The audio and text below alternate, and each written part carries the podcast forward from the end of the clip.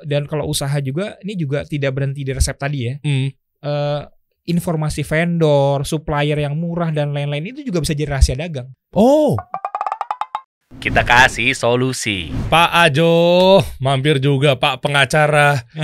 Banyak UMKM kita yang butuh bantuan nih terkait legalitas.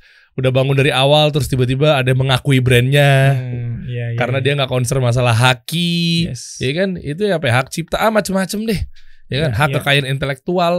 Kalau ngomongin yang lagi viral sempet ya, eh, Ruben Onsu dulu sempet ya, cuma kompleks banget ya. Betul. Iya, kompleks banget masalahnya itu. Iya, banyak juga ya apa ya, eh, yang bermasalah. Kayak mungkin kasus yang mungkin sudah sering orang lihat juga yang ini ya bentuk nyatanya tuh warjok.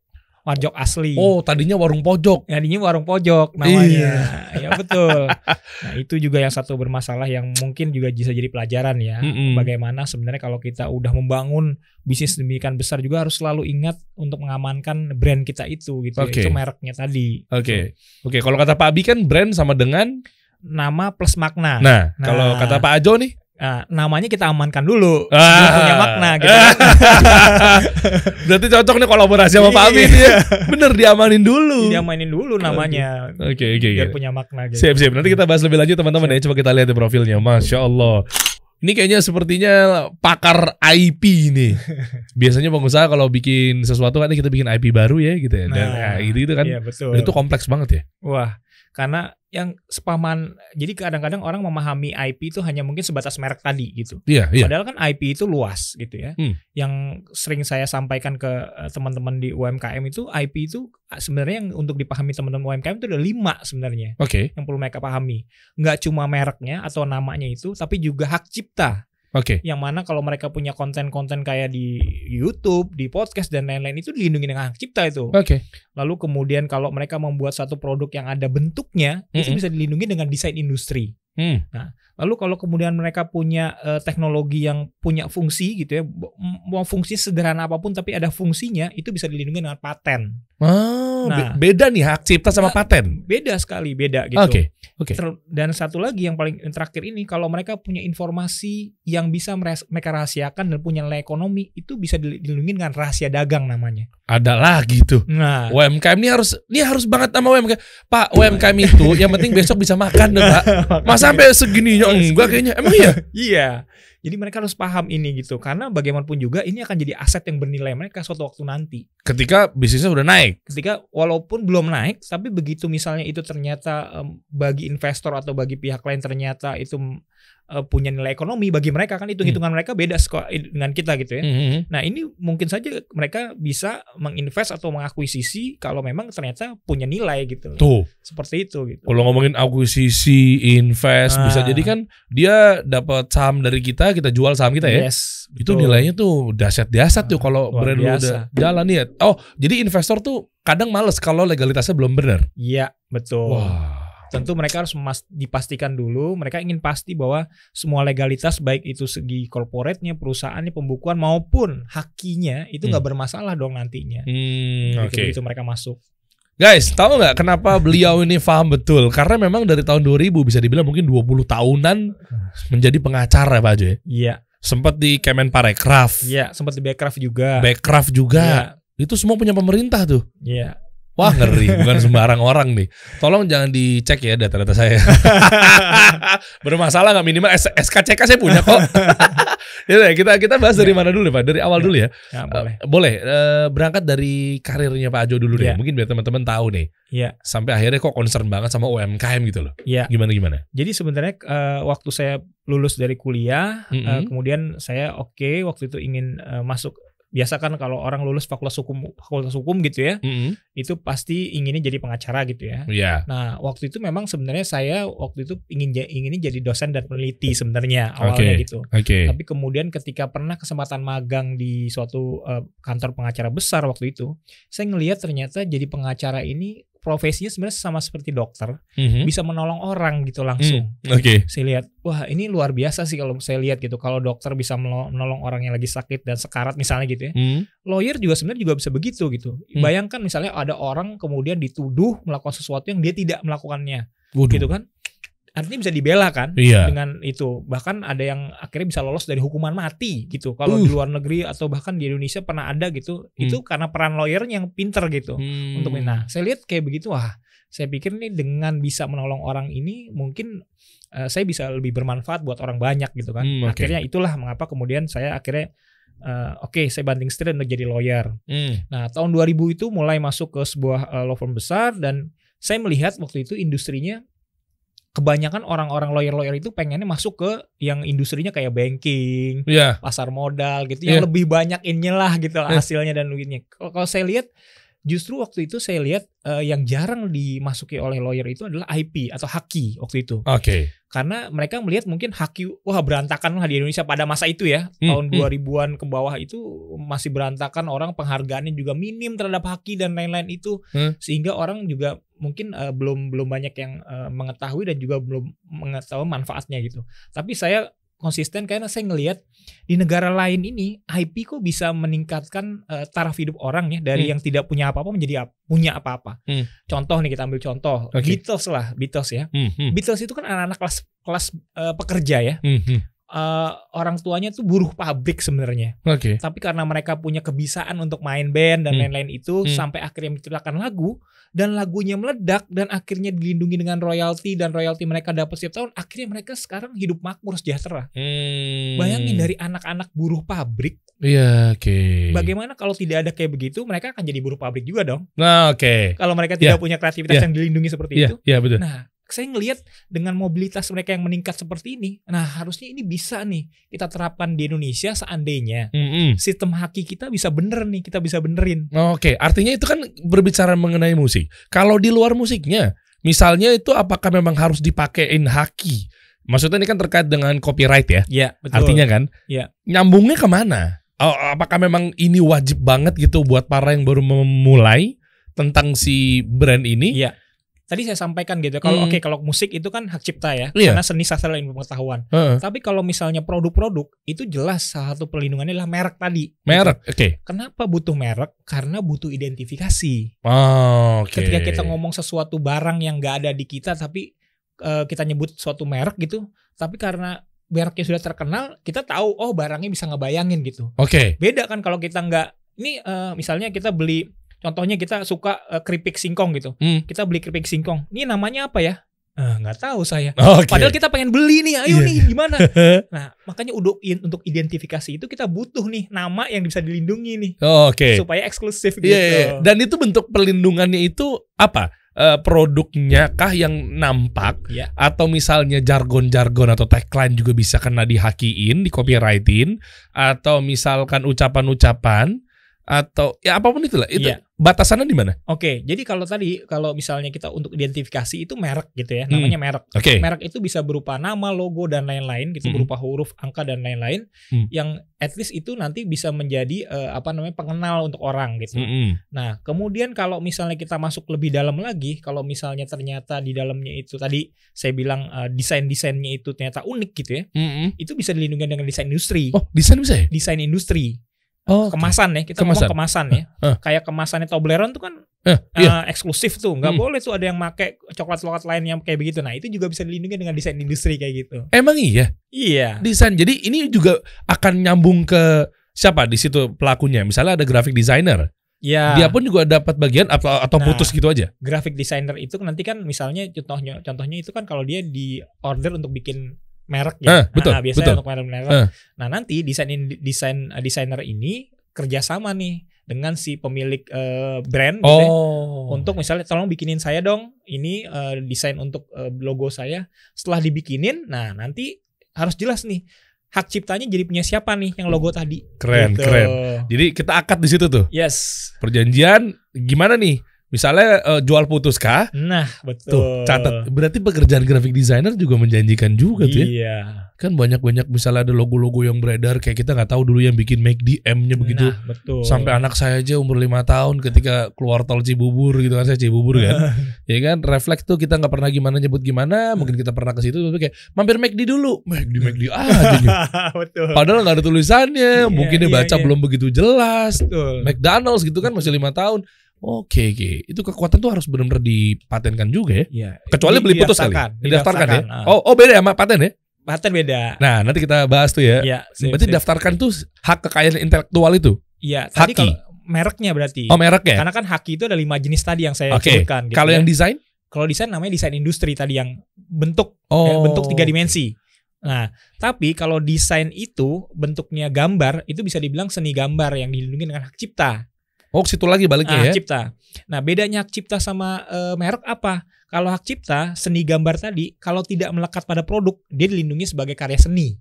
Oh, Oke. Tapi begitu melekat pada produk gitu ya, kayak bentuk gambar apel yang digigit itu, Mhm. nah itu jadi merek itu.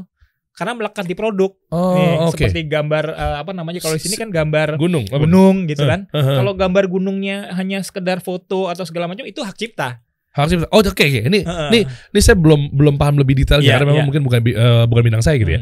Eh, koreksi kalau saya salah. Ada hak ada hak cipta, Ya, ada merek, ada merek, paten. ada desain industri, Ya. ada paten, ada rahasia dagang. Uh, panjang banget. Ada lima. ya itu yang Boleh dipahami. mungkin disederhanain nggak Pak Jo? Kira-kira Iya, iya. dari lima ini tuh Hmm. beserta contoh-contohnya. Misalnya Oke. mau pakai contoh sebuah produk Boleh. brand apa? Ini ini contoh ini aja paling gampang ya, ya. ya, misalnya, Misalnya ini. ini eh, namanya jelas kan Le Minerale. Ya. Nah, ini jelas dilindungi dengan merek. Ini merek ya. Ini lah, Daftar merek ya. Daftar merek. Hakinya mana? logonya dia. Hakinya Nah, mana? ini Ini kan si ha- haki ya. Iya, jadi eh, haki itu lima jenis tadi saya bilang. Oke, haki Ah. turunan lima jenis. da- Di Iya. dalamnya itu ada Ada merek ini, Merek ini. merek ini ya. beserta logo-logo bulatnya ini. logo-logo bulatnya ini. Hmm. Nah, tapi kalau tadinya dia mesen ke desainer gambar-gambar ini doang, ini gambar apa namanya eh, foto foto Gunung. gunung, dan lain-lain ini, ini dilindungi dengan hak cipta sebenarnya. Mhm. Tadinya awalnya, Oke. Eh, kalau foto eh eh, foto anda bagus nih, foto gunung ini, boleh nggak saya eh, jadiin merek saya? Oh boleh, kita eh, apa nah, ada perjanjian lah gitu, Hmm. mau perjanjian lisensi kah atau jual putus tadi gitu. Hmm. Ini sebagai tadi dilindungi dengan hak cipta, tiba-tiba begitu ditempel di produk jadi merek. Oke. Nah, Jadi nggak bisa asal comot misalnya ada graphic designer mau bikin kebutuhan elemen gunung Heeh. tapi ngambil gunungnya dari lem mineral nggak bisa. nggak bisa. Wow, hati-hati tuh. Hati-hati betul. Oke. Karena ini udah eksklusif kayak gini. Heeh. Nah, udah tadi dua ya, Hmm. udah tadi dua. Nah, begitu kita ngomong bentuknya, nah ini kan bentuk unik sekali nih kayak gini, nggak betul. ada nih yang Hmm. bentuk kayak gini. Nah, ini bisa dilindungi dengan desain industri namanya. Jadi kalau kita mau bikin minuman namanya misalnya dari kuah Hmm. misalnya. Terus Iya. tapi ngambil bentuknya persis kayak lem mineral gini, Nah, hati-hati, apakah di- eh, si Le Mineral ini sudah mendaftarkan bentuknya ini? taunya? Eh, bisa dicek di DJKI. Oh. Nah, jadi ada situsnya dgip.go.id. Mm-mm. Nah, di situ ada penelusuran tuh. Oke. KI gitu. Oke. Jadi bisa dicek di sana. Udah ada belum? Oke. Nah, tadi udah ya. Jadi eh, tadi tiga nih ya. Udah ininya Hmm. Mereknya? gambarnya, mereknya sama desain industrinya nih, Mm-mm. bentuk ininya. Nah, kalau misalnya ternyata di dalam kandungannya ini ada satu ada satu ramuan atau eh, formula yang membuat apa menimbulkan kayak khasiat lah gitu ya, Mm-mm. kayak khasiat gitu. Itu bisa dilindungi dengan paten. Wah, ini sih itu letak paten ternyata. Iya, kan sama kayak obat. Oh iya. Obat. Obat itu karena ada formula senyawa-senyawa dicampur-campur jadi obat sakit kepala, obat pusing, obat pilek dan lain-lain itu. Nah, formula-formulanya yang menyusun itu bisa dilindungi dengan paten tadi. Oh, Oke, hanya yang di Gitu. dalamnya berarti ya. Yes, jadi prosesnya itu. Karena kan tadi Hmm. fungsi ya. Hmm. Fungsinya apa nih obat ini? Oh, untuk sakit kepala gitu. Oh, walaupun semua juga ngeklaim sakit kepala. Contoh, Yes. Paramex bilang me- meredakan sakit kepala. Iya. Panadol juga ada sakit kepala. Betul, tapi kan formulanya beda. Oh. Formulanya pasti beda mereka. Emang emang bisa dicontek formulanya? Nah, itulah makanya maksudnya formula nggak boleh dicontek karena Hmm. masing-masing udah punya apa namanya kekhasan masing-masing. Oke. Karena bisa jadi formula A-nya ini lebih tinggi misalnya, ini formula B-nya lebih rendah. Hmm. Karena misalnya ini untuk orang yang eh, apa namanya sedang hamil gitu. Jadi direndahin yang ininya kayak gini Hmm, ini. hmm. Jadi ada mereka pasti punya spesifikasinya lah kalau obat-obatan Oh, itu. Oke. Nah, ya makanya ketika obat paten itu dilindungi 20 tahun. Oh, maksimal. Obat paten. Makanya kalau obat paten itu mahal. Hmm. Tapi kalau misalnya 20 tahun sudah berakhir, Mhm. jadi obat jadi obat generik namanya. Oh gitu. Makanya lebih murah. Wah, wah, wah, wah, saya harus banyak belajar nih. Obat generik jadi lebih murah. Lebih murah. Iya. Oke, tadi Pak Ajo udah empat nih jelasin. Hmm. Ya kan, terakhir di paten. Iya. empatnya. Nah sekarang kita masuk ke lima nih. Oke. Dalam haki kan ada lima tadi ya. betul. Yang kelima berarti eh, rahasia, dagang. Iya. Ah, Ah. itu maksudnya gimana tuh? Rahasia dagang itu adalah informasi di bidang bisnis atau teknologi punya nilai ekonomi Heeh. dan dijaga kerahasiaannya intinya. Waduh. Nah, kalau kembali lagi kita ke contoh ini gitu ya. Mm-mm. Kalau kita ambil contoh Coca-Cola misalnya. Oke. Coca-Cola itu formulanya dia itu dirahasiakan. Sehingga banyak kompetitor-kompetitornya itu ingin tahu sebenarnya apa sih susunannya sampai bikin formu apa rasanya sama sekali tapi dia tidak ada yang menyamai Oh. karena dirahasiakan formulanya. Oh sama kayak KFC juga tuh kalau nggak salah. Kan Ya, ada resep se- rahasia. Ah, Iya, betul. ada 11 apa berapa sih? 11 bumbu rahasia atau 11 Betul. resep rahasia ya? Yes, itulah Oke. kenapa kemudian disebut rahasia dagang. Hmm. Gitu karena dia sangat dirahasiakan dan kemudian kalau Coca-Cola itu eh, hanya diketahui oleh dua orang eksekutifnya di Atlanta. Oke. Jadi kalau di negara-negara yang tempat tujuan ekspornya itu adalah dia hanya bottling. Ah. Jadi udah dijadi gitu di bottling bottling aja. Nggak ada yang dikasih tahu formulanya harus kayak gini-gini nggak nggak boleh. Oke, da- Gitu. dan itu fungsinya akan dikeluarkan ketika apa? Contoh kalau merek kan ketika ada yang menyamai. Betul. Kalau desain si produknya kan ketika juga ada yang menyamai. Iya. Kalau rahasia kan memang rahasia. Ya kan biasanya ini dilindunginya adalah ketika misalnya ada kompetitor mencuri rahasia dagangnya Oh. Atau mantan pegawainya ini mau membawa informasi rahasia tersebut. Oke. Nah, jadi bisa diidentifikasi gitu. Misalnya contohnya nih, Mm-mm. tiba-tiba ada pegawai Coca-Cola yang tahu sebenarnya rahasia dagang itu gitu. Kemudian bawa terus bikin kompetitor, bikin di perusahaan kompetitornya tiba-tiba rasanya sama. Hmm. Kok tumben-tumbennya gitu. Sekarang rasanya biasa sama. Nah, ini ada indikasi nih. Ah, Ada indikasi oke. nih jangan-jangan ini membawa formulanya itu. Dan dan paling contoh sederhananya adalah kalau kita misalnya di keluarga kan punya resep rahasia keluarga ya. Heeh. Resep rahasia keluarga. Kita pengen bikin restoran tapi nggak bisa masak akhirnya kita eh, nyewa chef gitu ya. Hmm. Nah, chefnya itu juga harus kita eh, tegas tegaskan dalam kontrak gitu Hmm. bahwa dia tidak boleh membuka rahasia dagang kita dan dia tidak boleh membawa rahasia dagang kita kalau misalnya dia keluar dari perusahaan atau restoran kita. Nah, Hmm. itu penjagaan itu sampai seperti itu. Waduh, ini Pak Ajo detail banget deh. Soalnya ya UMKM jadi melek, jadi Iya. paham mengenai kontrak-kontrak aja kadang hire chef, kita buka bisnis F&B, Ah, hire, oke kamu saya gaji sekian per bulannya. Eh kami pakai resepnya ini, ini, ini, ini dia. Ikutin ya. Iya Hmm. memang taunya tapi fokusnya pada SOP aja. Iya. Sementara resep-resep kayak begini aja rahasia dagang ya Yes, maksudnya ya. jadi rahasia dagang. Nggak ya. dipikirin. Oke. Dan kalau dan kalau usaha juga ini juga tidak berhenti di resep tadi ya. Hmm. Eh, informasi vendor, supplier yang murah dan lain-lain itu juga bisa jadi rahasia dagang. Oh, Ya, sehingga nantinya karyawan-karyawan itu kalau misalnya dia resign dan segala macam itu juga harus ada di kontraknya dengan jelas gitu bahwa dia nggak boleh membawa informasi-informasi kayak begitu keluar untuk kemudian dia pakai. kalau ada orang banyak kayak atau terutama Pak Ajo gini mah kita jadi deg-degan iya deg-degan sebagai pengusahanya. Contoh misalnya kita hire aja orang yang dulunya bekas di Gojek buat jalanin startup kita. Nah, kita hire aja Iya kan Iya. kita atau kita bikin restoran nih kita hire aja udah bajak tuh dari McD pindah ke sini Hmm. eh lu udah samain dong ternyata di balik itu Itu semua harus hati-hati. nggak semudah itu ya Iya. kita hire udah deal sama kata-kata berapa ujung-ujungnya mohon maaf pak kita udah akad iya Hmm. kamu saya gaji ya pokoknya ti- um, untuk pertama kali probation 50 juta langsung wah alhamdulillah ya tolong samain nggak bisa pak iya betul. kena dia Kena dia, ah, betul. iya kan Heeh. karena di sana ada kekuatannya Maaf. Ya kayak misalnya dibikin bikin program segala macam gitu, tuh hati-hati gitu. waduh Karena bisa jadi dia udah diikat di sana bahwa lu nggak nggak Anda nggak boleh tuh bawa-bawa kayak begitu karena itu rahasia dagang kami. Bisa dilindungi dengan hak cipta kalau software bisa juga nanti rahasia dagang kalau uh, metode bis apa metode-metode yang khusus yang dirahasiakan sama dia, Hmm. kemudian tiba-tiba apa namanya dia mau keluar, wow, di- pasti bisa dicegat tuh di situ. Oh, Oke, oke, oke. Ini menarik nih Pak Jo. Eh, saya punya teman. Ya.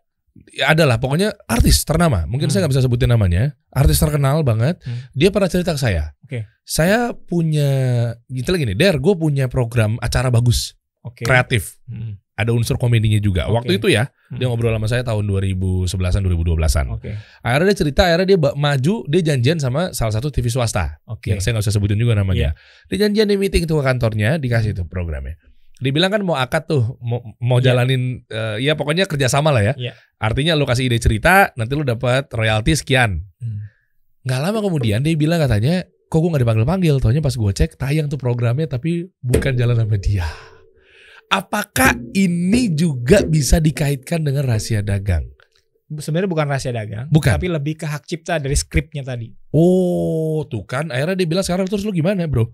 Ya dia bilang, "Enggak, ya gue gak bisa ngapain."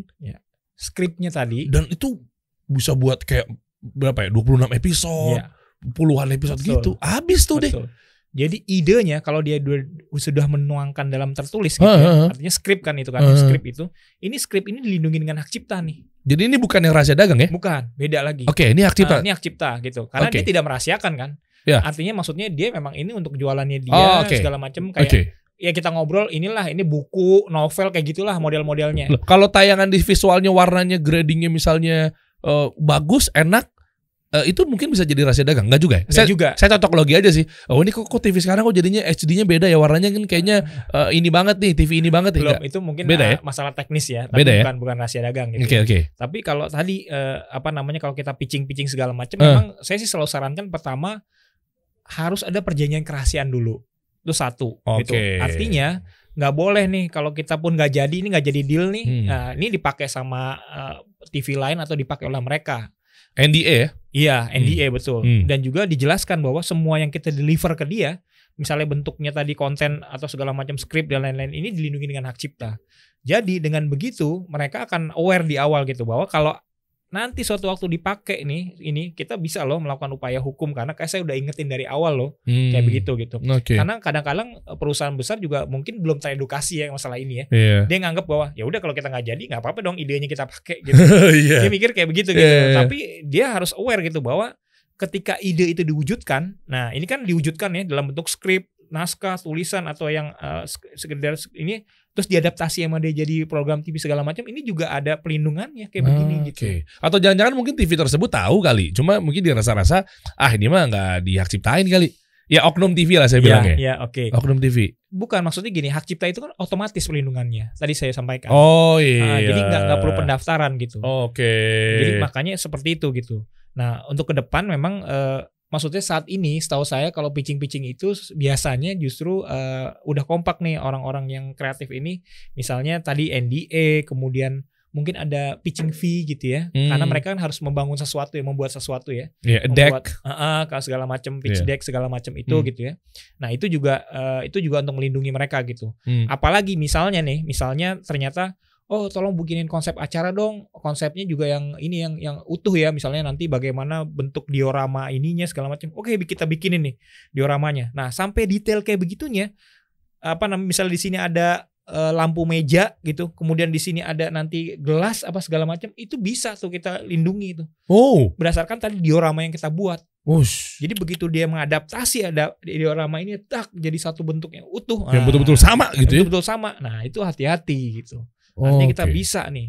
Karena hak cipta itu, Hmm. desain kita itu yang tadi kita kita ciptakan itu bisa diadaptasi sama dia gitu. Hmm, Oke, jadi berbeda dengan rahasia dagang. Iya. Kalau rahasia dagang selain resep apa aja Pak Jo? Tadi resep, terus kemudian juga eh, dokumen-dokumen tadi yang informasi tentang vendor, sur- surveyor, apa apa, vendor, supplier dan lain-lain itu gitu ya. Mhm. Terus kemudian juga misalnya eh, data-data perusahaan kita yang sekiranya contoh lah misalnya perusahaan kita perusahaan tambang. Hmm. Terus kita menemukan nih Hmm. satu informasi, wah ini daerah tambang yang bagus banget nih. Tapi kita simpen dulu ya nanti kalau kita punya duit baru kita gali. Oke. Itu kan informasi rahasia, Iya dong. bisa jadi rahasia dagang kita gitu.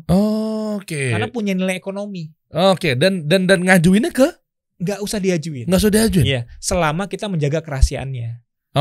Nah, makanya saya selalu sampaikan kalau kita ngomong rahasia dagang itu upaya-upaya kita dinilai nih. Artinya gini, kalau misalnya tadi Anda punya rahasia keluarga, kenapa digeletakin di meja gitu?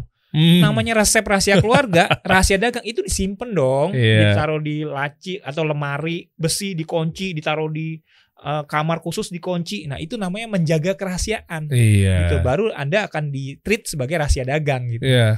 Bukan digeletakin di meja begitu aja gitu. Itu sifatnya bukan rahasia lah, rahasia umum itu Iya, namanya. Kayak kayak tahu aib orang. Iya, iya. Memang kalau udah bapak pengacara udah puluh, puluhan tahun nih perkara beginian aja jujur guys umur gue 33 tahun baru tahu sedetail ini loh. Kita tahunya kan karena memang mungkin ya udah begini gitu kan intinya. Iya. Ah, boleh diceritain juga nggak Pak Ajo Eh, dari yang lima tadi Iya. tenggang waktu masanya tuh berapa Oke. lama? Kayak tadi kan saya dengar misalnya paten kan 20 tahun. Yes. Nah, kalau untuk yang lainnya kayak desain apa tadi? Eh, desain industri. Desain industri, Iya. merek, kayak satu persatu kita dari lima haki itu Oke, pertanyaan gimana, Pak? lima haki tadi. Hmm. Jadi misalnya kalau hak cipta tadi ya, Mm-mm. hak cipta tadi itu Kita kasih solusi.